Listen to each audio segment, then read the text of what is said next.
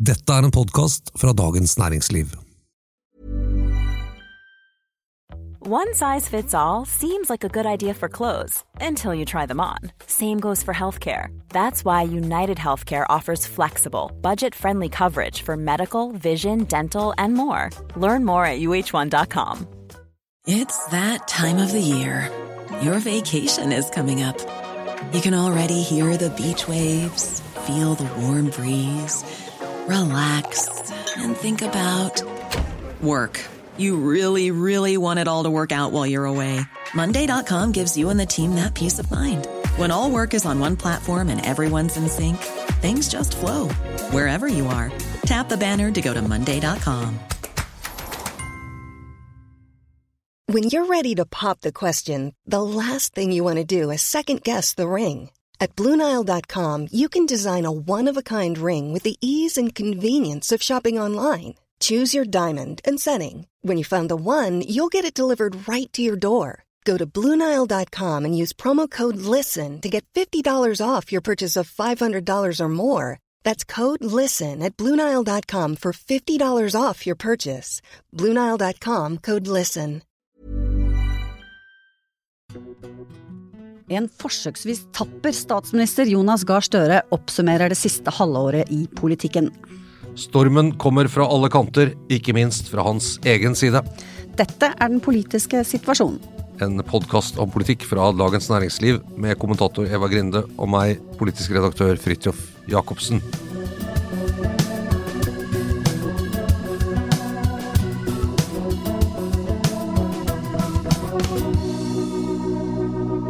Yes. Eh, en litt rituell dag eh, i dag, eh, den 20. desember, når vi spiller inn dette, for da var det tid for statsministerens oppsummerende halvårlige pressekonferanse i regjeringens representasjonsbolig i Parkveien 45. Ja, et eh, staselig bygg. Ja. Her var detaljene på plass. Mhm.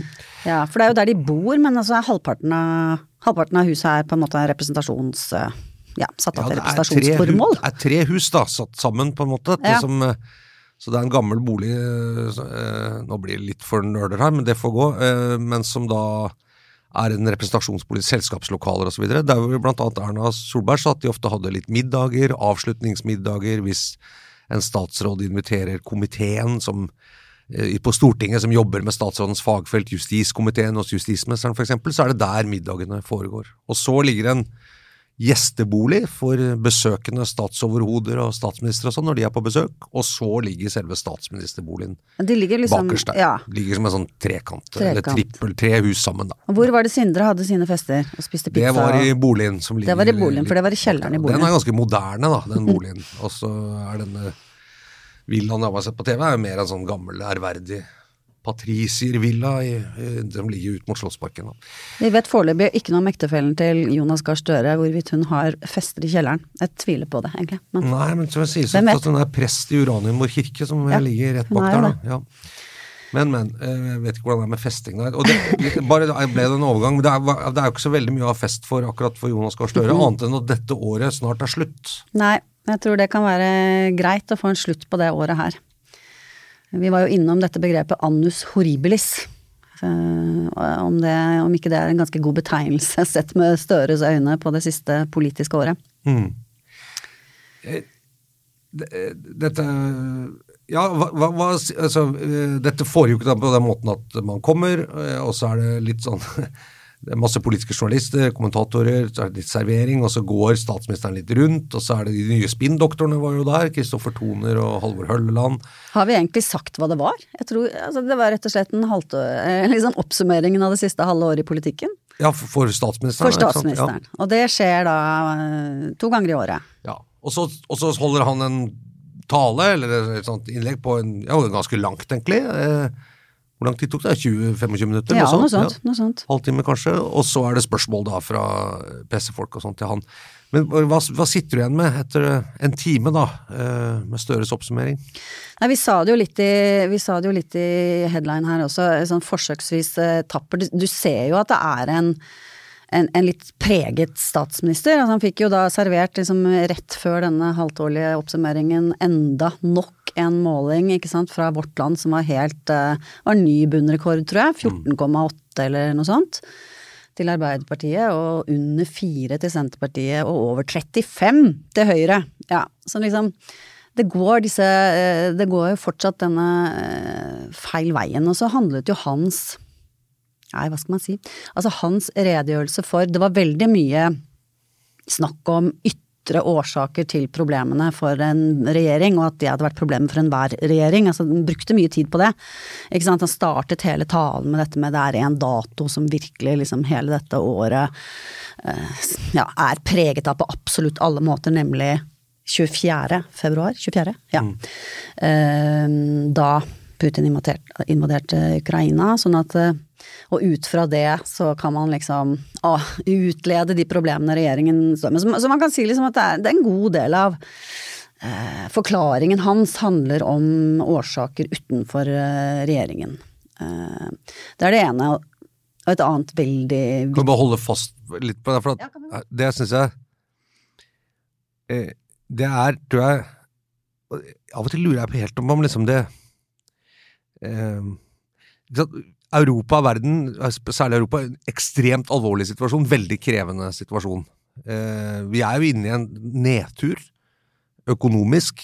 Eh, vi har fått drevet ut et viktig del i energiforsyningen som gjør at det er sant, mangel på energi. Eh, det har jo vært lenge sånn Kommer folk til å fryse i Europa på vinteren? Det er absurd i 2022-2023 at vi skal snakke om det. Eh, det er krig som selvfølgelig øker spenningen, gjør at man må bruke mer penger på våpen og, og, og sånne ting. Og, det, Hva er, og årsaken til energikrisen. Ja, ikke sant. Så Delvis, det henger sammen. Så er, det er liksom veldig alvorlige tider, og egentlig en, en krise som er nok mye dypere enn det vi har hatt på lenge. Og det at en statsminister snakker om det, om kriser og kriser utenfor landet som påvirker oss det, Men det er et eller annet med når Støre snakker om det i regjering, så høres det alltid ut som de snakker om krisen som en unnskyldning.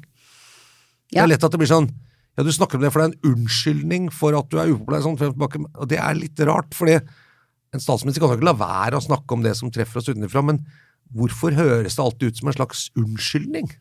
Ja, det, er, det, det, det blir det kommer gjennom som en forklaring på problemene til regjeringen, kanskje mer enn enn en den krisen det er i seg selv. Og jeg vet ikke om det er bare hans ordvalg sin skyld, eller om det også er vårt som mottakeres bilde av hele situasjonen. ikke sant? Hvordan skal han Altså, det er, jo, det er jo et rom stappfullt av journalister som lurer på hvordan han skal forklare den krisa partiet og regjeringen er i. Sånn at man, Vi vil jo også alltid tolke alt inn der, sånn at det blir vel en sånn uh, litt delt skyld, kanskje, i å høre det bare kun som en unnskyldning. Men jeg syns han gikk lengre enn Eh, litt lengre enn vanlig i dag, det var vel under spørsmålsstillingen, da, hvor han, hvor han nærmest sa det er klart at Putin vil jo at det skal bli veldig mye kritikk av ansvarlige politikere i Europa nå. Det er jo noe som tjener ham. Det har jeg ikke hørt han si så klart før, og der, da blir det liksom da, Det er neste sånn ok, kritikk av regjeringen er støtte til Putin, liksom. Ja. altså, det, hvis, du, hvis, du, drar det litt sånn ut, da. Samtidig så skjønner jeg jo Det går jo an å forstå hva han mener, selvfølgelig. Det, det er bra for Putin jo mer, jo mer intern kritikk og uro det er i de europeiske landene. Mm. Så Det har vært ganske lite, da. Ja. Oppsiktsvekkende lite med ja. tanke på hvor krevende liksom, økonomiske forholdet Absolutt. er for mange. Ja. Absolutt. Sånn at han har jo sikkert kunne der, ønsket seg mye mer enn det. Men jeg syns den var litt Populismen var et sånt velstandsfenomen, kanskje var det? Jeg vet ikke. Den var litt, jeg syns den var litt drøy. Den, eh, at han dro, den, eh, dro det Putin-kortet, rett og slett. Ja. Ja. Så det, jeg, jeg tror som, kanskje han tenkte litt sånn som vanlig, liksom tenkte litt høyt. Han har jo en tendens til det. Hvem det var myntet på? Ja, hvem var, hvem var, hvem var adressaten, liksom, på dette budskapet? Nei, det er, kan jo like gjerne være partiene til venstre for han som til høyre for ham, i hvert fall. Ja. Uh, du har jo vært litt inne på det, at uh, uh, Eller vi har snakket om det. Altså, hva, hvor, de, de, argeste kritikerne av regjeringen er jo nærmest eh, hans egne støttespillere til venstre for seg på samme side av det politiske spekteret. Og hvorfor de holder de på sånn? Ja.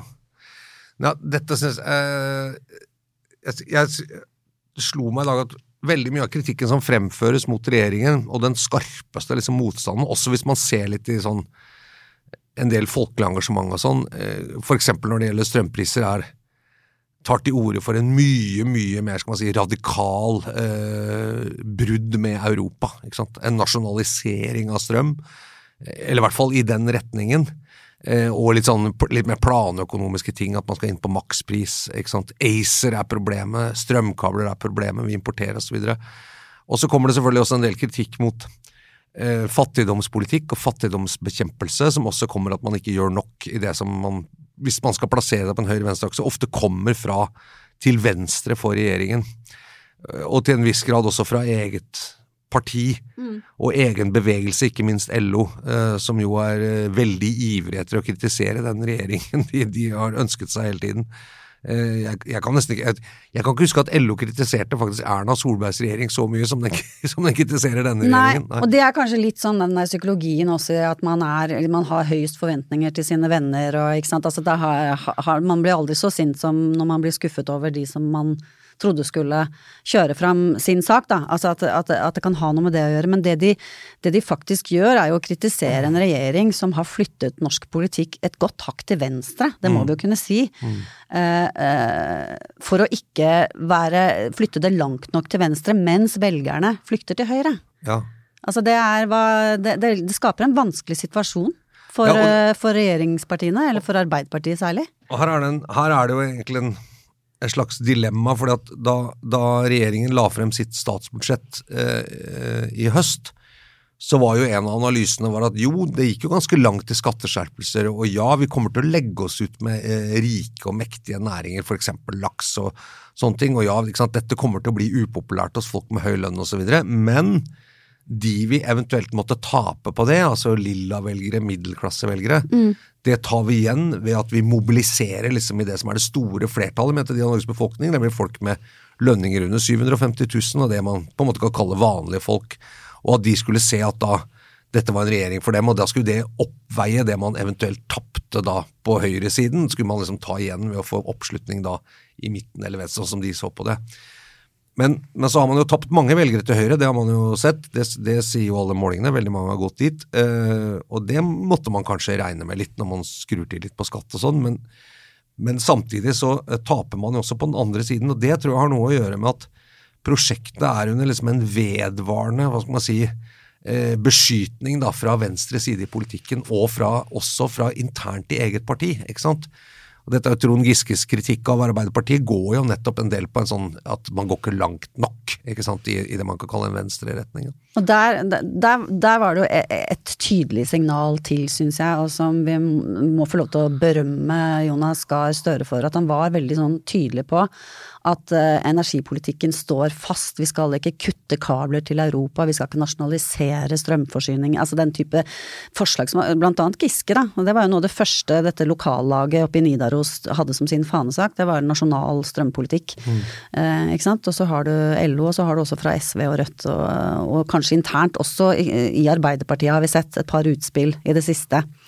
Uh, hun som leder det energipolitikkutvalget, som er Stavanger-ordføreren. Ordfører i Stavanger, Kari ja. Nessa Nordtun, ja. Nemlig. Mm. Var jo nå ute og, og mente, ville åpne for uh, mulig Altså se på radikale løsninger, ikke sant. Så, så, så nå sitter det jo en del ordførere rundt fra Senterpartiet og Arbeiderpartiet rundt i landet og uh, er nødt til å forsvare eller, eller gå åpent ut mot regjeringens eh, energipolitikk. Mm. Og næringspolitikk i og for seg. Ja, for det var de to tingene. Det ene var det der med, med at uh, jeg har ikke tenkt å eksperimentere med, med, å endre radikalt et system uten å vite hva, hva slags konsekvenser det vil få. Det var han veldig tydelig på. Og det andre var også at eh, nei, NHO og næringslivet har jo bedt på sine knær, eller det gjør de jo til enhver tid egentlig, om, eh, om å få støtte og kompensasjon for, enhver, eh, for ethvert økonomisk problem. Men der var han også igjen Hovedgrepet skal være dette med fastprisavtaler. Uh, og der er jo næringslivet negative. Nei, vi vil ikke ha fastprisavtale med så høy strøm, for det kan jo bli billigere uh, om et par år. Ja, men hvorfor kan det det? Ja, ikke sant? Ja.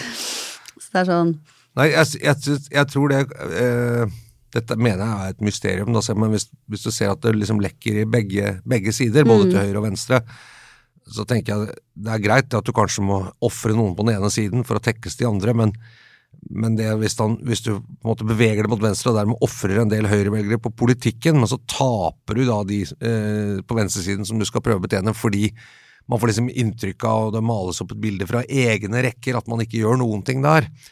Eh, man klarer ikke å skaffe folk strøm, man klarer ikke å gi nok til fattige, man tar ikke vare på folk, man klarer ikke å stoppe dyrtid og liksom en generell forjævlisering. Det blir mer ulikhet osv. Da, da havner du jo i en voldsom skvis, og det kan jo hende at det er derfor vi ser de nå nede på så historisk lave mm. nivåer som, som, det er nå. Og jeg tror at vil de venstresidepartiene at heller ha en høyreregjering, liksom? Det er omtrent det som blir eh, logikken. Ja, altså det ville jeg i hvert fall tenkt på for LO sin side. Hvis de mener de er så mye bedre tjent med denne regjeringen enn med den forrige, eh, så er det litt rart kanskje at de virker som de nærmest anstrenger seg for å gjøre livet så surt for denne regjeringen som mulig. Eh, enten det gjelder å kaste statsråder inn, eller andre sånne ting, som gjør at sant, hvis man fortsetter med det, så, så, taper de det valget i 2025, og da får vi igjen en borgerlig regjering. Men da kan eh, sånn LO eksempel takke seg selv, fordi de ikke har vært med. Altså de, de, de, sier det er vårt prosjekt, vi skal lede valgkomiteen eh, i Arbeiderpartiet, sånn, men vi skal ikke ta noe ansvar eller være med. Vi forbeholdes retten til å kritisere dette prosjektet hele tiden, og vi vet at hver gang vi i LO åpner munnen om dette prosjektet, enten det er at vi står på LO-kongressen og sier at hvorfor er ikke SV med i regjeringen, mm. eller det er at vi sier at uh, Nestle skal gå av, eller at vi kritiserer dem på strøm, eller vi kritiserer dem for Nestle deres bakgrunn. Skal gå av, har de sagt det òg? Nei, at, at, statsråder skal gå av, da, som mm. gjorde med Hadia Tajik, mm. uh, og sånne ting. så eh, så, så, så, blir det jo litt sånn Ja, men resultatet av all denne kritikken og det å destabilisere Arbeiderpartiet og Støre i deres egen medlemsmasse og ute på arbeidsplasser, som blant annet, det er jo da at folk ikke gidder å stemme på dem, eller går til et annet parti. og mm. da da får dere jo varen levert i 2025, da, kanskje allerede i 2023. Taper makt og innflytelse. De løper Putins ærend, rett og slett. Nei, det, det, vil jeg ikke si at de gjør. Men det er, liksom, det er litt uforståelig. Mm. for hvis, hvis, LO mener at de er en så integrert del av dette regjeringsprosjektet og så fornøyd med det, så er det rart at ikke de bruker liksom sin definisjonsmakt til å backe opp om det. Mm. Eh, og, og isteden prøver liksom å hakke det i filler. Og heller svelge at det muligens er, ikke er helt så langt til venstre som de kunne ønske, men at det mm. tross alt er bedre. Altså litt pragmatikk.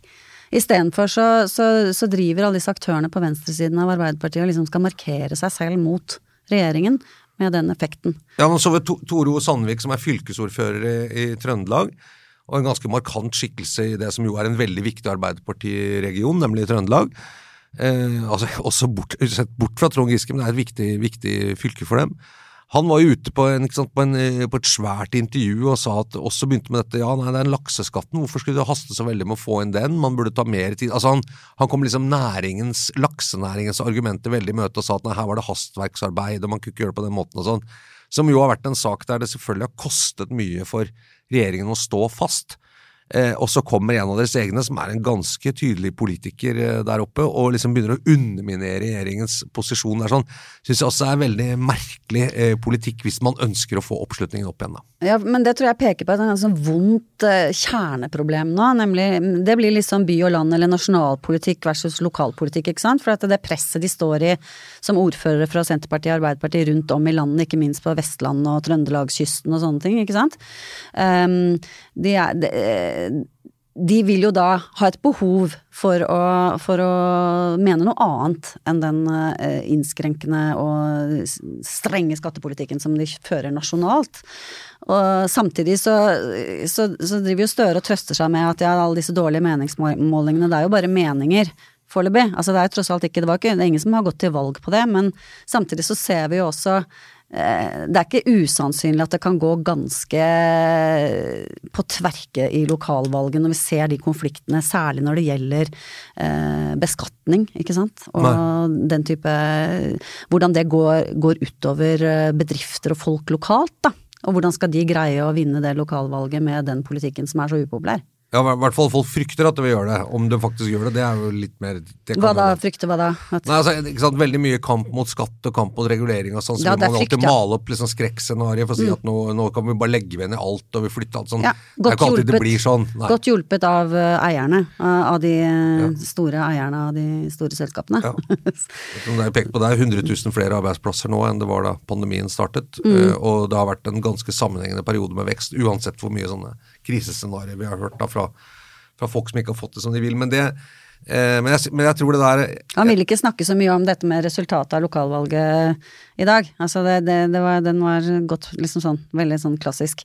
Det tar vi når den tid kommer. Det er Ja, klart at hvis, hvis det hvis, La oss si de tallene vi ser nå, eh, gjenspeiles i resultatet, valgresultatet 2023 rundt omkring i, i kommunene, så, så har de jo et enda større problem.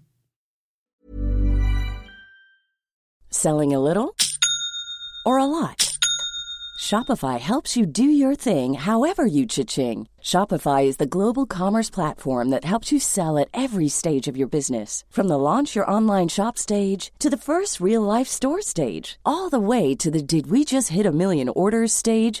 Shopify is there to help you grow. Shopify helps you turn browsers into buyers with the internet's best converting checkout. 36% better on average compared to other leading commerce platforms because businesses that grow grow with Shopify. Get a $1 per month trial period at shopify.com/work. shopify.com/work.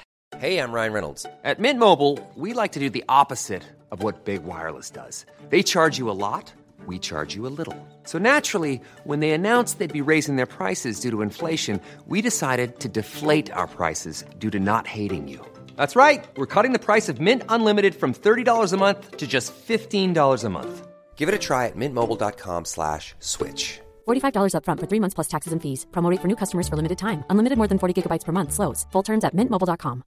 Ready to pop the question? The jewelers at BlueNile.com have got sparkle down to a science with beautiful lab grown diamonds worthy of your most brilliant moments. Their lab grown diamonds are independently graded and guaranteed identical to natural diamonds, and they're ready to ship to your door. Go to BlueNile.com and use promo code LISTEN to get $50 off your purchase of $500 or more. That's code LISTEN at BlueNile.com for $50 off. BlueNile.com code LISTEN. Ja, det, er- jo to måter dette kan skje på, da, hvis vi snakker om han skal fortsette som partileder eller ikke. Det ene er jo at partiet sier at nå er det nok. Ikke sant? At det blir veltet innenfra. Det andre er at han selv sier at jeg, går fra bordet, jeg får ikke dette til, jeg orker ikke mer. Det, ikke sant? det går ikke. Men jeg, tror- jeg tror, jeg tror mer enn Hvis jeg skulle spekulere, da, hvis det, øh, hvis det hadde vært i hans posisjon, så ville jeg sagt mer enn målingene. Som ville tenkt sånn, ja ok, målinger eh, kan skrive av litt på at det generelt er dårlige tider, mye frykt, eh, folk får dårligere råd, sånn. Men det, det har jeg et håp om at jeg kan få styr på igjen, bare folk liksom venner seg litt i situasjonen og ser at vi er det beste alternativet. Men at det er en, det er en slags sånn nesten åpen og vedvarende sabotasje fra egne rekker, eller det som skulle være hans egne støttemiljøer, mot han, hvor hans legitimitet blir trukket i tvil hvor folk i egne rekker når de ansetter nye spinndoktorer, er liksom de som brøler høyest om hvor galt dette er, og hvilket forræderi det er å ansette nye spinndoktorer som kommer herfra og derfra. Hvem var det, tenker du på da? Med Kristoffer Toner, ikke sant? Jo, jo, han, ja, men hvem var det som hylte hylte LO var ute høyest? da igjen, mm, ikke sant? Og sånn, og skal sette hans greie i tvil, og da kommer jo neste greie er liksom, ja, og dette er fordi han skjønner ikke partiet, for han er ikke en av oss, egentlig, og han er feil, han har gått på skole i Frankrike, og han er rik, og så kommer liksom alt dette opp igjen, opp igjen. Og du liksom føler at du er ikke noe drahjelp å få fra de som har bedt om dette prosjektet, det tror jeg er en ganske tror jeg er en krevende situasjon å stå i. da. At du ikke har med deg folk, og at ikke det er litt sånn orden i rekken og sier at nå når vi liksom er under angrep utenfra, og når det går skikkelig dårlig, da må vi slutte rekkene og være liksom, ta vare på hverandre og gå liksom én vei. Men det, dette spriker jo i alle retninger, ikke sant. Men eh, det snakket vi om i forrige på der, da, var den løsningen i Danmark med liksom over midten og samarbeid med noen andre, da, altså, som har kanskje nå den samme ansvarlige politikken og flere som har gått på samme eliteskoler videre. Men eh, han fikk spørsmål om det i dag, og det, var, det, var, det var liksom Det var Jeg la merke til at han sa noe sånt som at eh, krisen er ikke stor nok for at det er, aktuelt i Norge. Altså, men det, vi har jo hatt det før, og det var, var liksom ikke helt eh, helt uh, utenkelig. Sånn at han Ja, det var du som spurte til meg. Ja, det var jeg som ja. spurte. Det ble spurt. Det ble spurt. Av en ja. Av en meget godt spørsmål. Meget Ja, godt. La meg si det sånn. Ja. Ja. Mm. Jo, han, men han svar, ikke sant? Skal, man, skal man gå over streken og danne en regjering sammen med Høyre, Venstre, ikke sant? Så, sånn Mm. slags samlingsregjering eh, som man har i Danmark? Det har vi hatt under Danmark. krigen, på en måte. da, Ja, vi hadde vel rett etter krigen, Ja. hadde vi det. Mm. Eh, det var et lite mellomspill før Samling Arbeiderpartiet tok makten alene og hadde den i 20 år, ikke sant. Men Mm, og definerte seg som uh, egentlig alle ja, partier. jeg tror egentlig han heller vil det enn å ha en samlingsregjering. da. Ja, ja, det er klart. Altså, kunne Men, velge der, så er det vel ikke noe tvil. Men, men han, han utelukka jo det naturlig nok. Det tror det, også man, han sa en interessant ting. Han sa han hadde snakket med den danske visestatsministeren sa hvem, hvem skal nå ha den politiske Mm. samtalen og debatten om hvilken retning skal det bare føres ut på fløyene nå? Mm. Fordi man liksom var enig der. Det, jeg, det var et godt poeng mot en sånn løsning, syns jeg. Ja, det kan du si. Samtidig så Eh. kan man jo for så vidt diskutere høyt selv om man sitter i samme regjering. Men eh, Ja, Men ikke på samme måte. det blir jo ikke like utfordrende, nei. La oss si at liksom, det store grosset av velgere i midten er, vi har to ikke helt forskjellige, men litt forskjellige partier å velge mellom, og så fratas man det på en måte. Eh, og, men det andre han også sa, sa at selv om det Tenk på regjeringen, så sa han når det er kriser, har vi en tradisjon for at vi lager brede forlik over midten i Norge. Og dette sa han etter at det hadde vært veldig mye kjør på strøm, og han sa at dette er det beste systemet, så vidt jeg kan se. Nemlig at vi har utveksling med Europa, som gjør at eh, når det blåser der, så kan vi få kraft derfra, så vi slipper å bruke vårt eget vann hele tiden. Alternativet er at vi må bygge ut bygge ut veldig mye mer natur, kraft. ja. Mm, vi er væravhengige. Og, og, det, eh, og var det liksom noe om at hvis jeg må velge, så går jeg heller over streken med Høyre og lager et kompromiss om kraftpolitikken, eksempel, hvis du skjønner, ikke sant?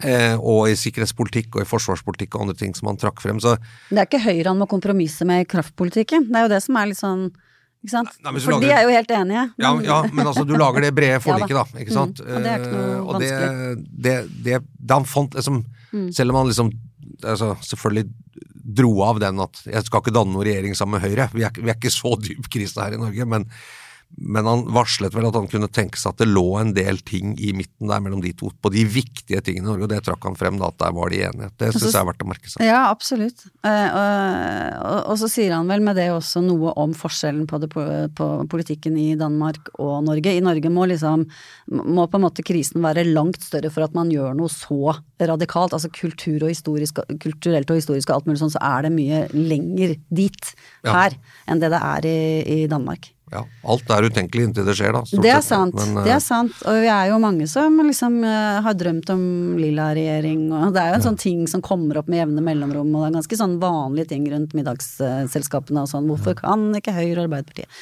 Jeg er ikke med i det vi-et der, altså. Det vil jeg si. Nei, nei, nei, nei, ok.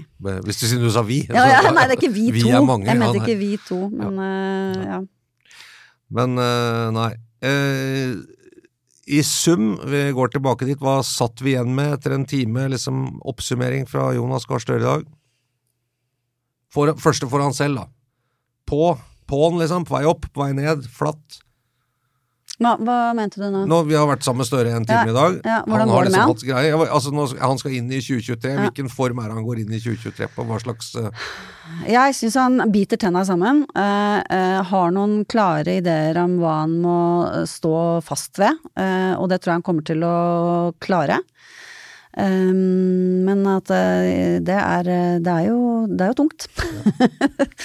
blek, blek, men fattet? Blek, men fattet er eh, ikke så veldig dum oppsummering, nei. Eh, vi, vi, ja, altså, vi må jo bare si her i avisa så er vi jo har vi jo en tendens til å, til å støtte denne strømpolitikken som han legger seg på, da. Ja. Absolutt. Ja. Han fortjener å, å få, eh, få den, all den støtten han, han kan på akkurat det.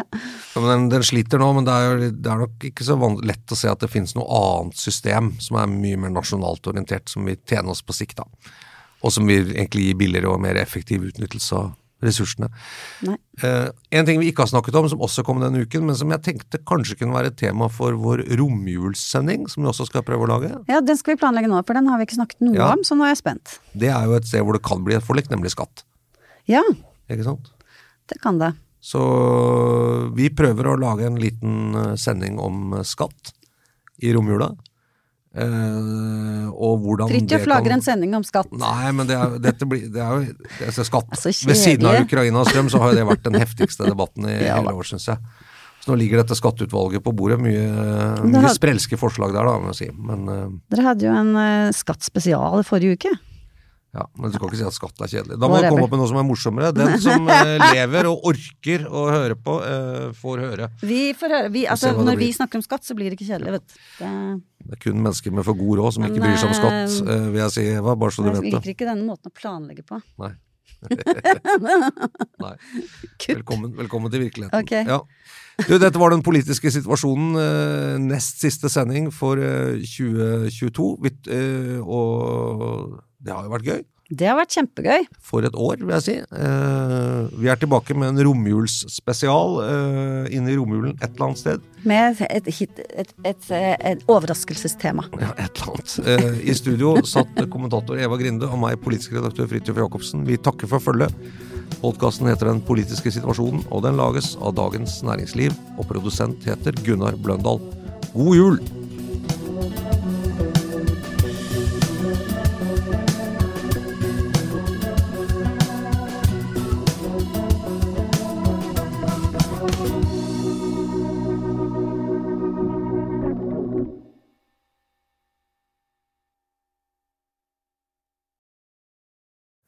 Du har nå hørt en podkast fra Dagens Næringsliv.